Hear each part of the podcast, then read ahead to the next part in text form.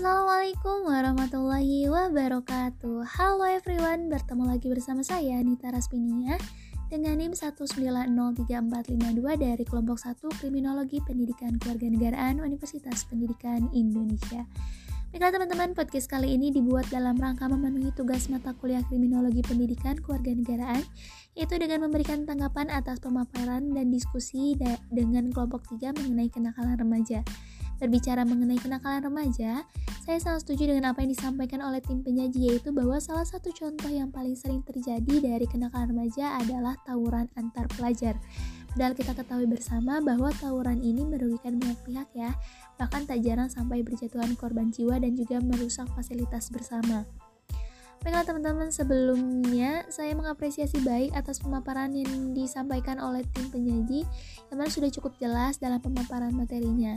Lalu ada yang paling menarik dari sesi pertanyaan di sesi diskusi di antaranya ada pertanyaan dari Rotu yaitu dalam kasus kenakalan remaja yakni tawuran. Bagaimana jika pelaku tawuran merupakan anak di bawah umur dan terbukti telah membuat orang lain menjadi korban bahkan mungkin sampai meninggal? Apakah akan terkena pidana?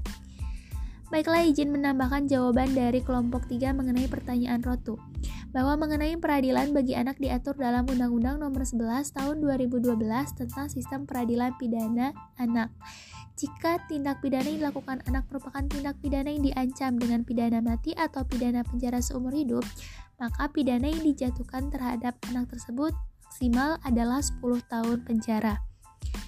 Nah, teman-teman, salah satu contohnya adalah ketika terjadinya tawuran antara SMK Bripuri Serpong dan SMK Sasmita Jaya di Tangerang Selatan, Banten, di mana pelaku ini berusia di bawah umur dan hanya diponis penjara selama 4 tahun penjara. Lalu izin menambahkan pertanyaan dari Vanisha yaitu bahwasannya Dampak dari tawuran di antaranya adalah untuk diri sendiri, kerusakan fisik karena kekerasan yang terjadi dalam tawuran, dan juga terguncangnya mental. Lalu untuk e, lingkungan dampaknya di antaranya adalah bisa menyebabkan kerusakan fasilitas bersama dan juga dapat mengganggu keamanan dan ketentraman masyarakat sekitar.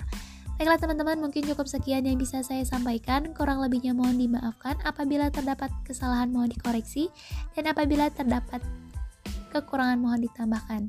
Terima kasih, semoga bermanfaat. Wassalamualaikum warahmatullahi wabarakatuh.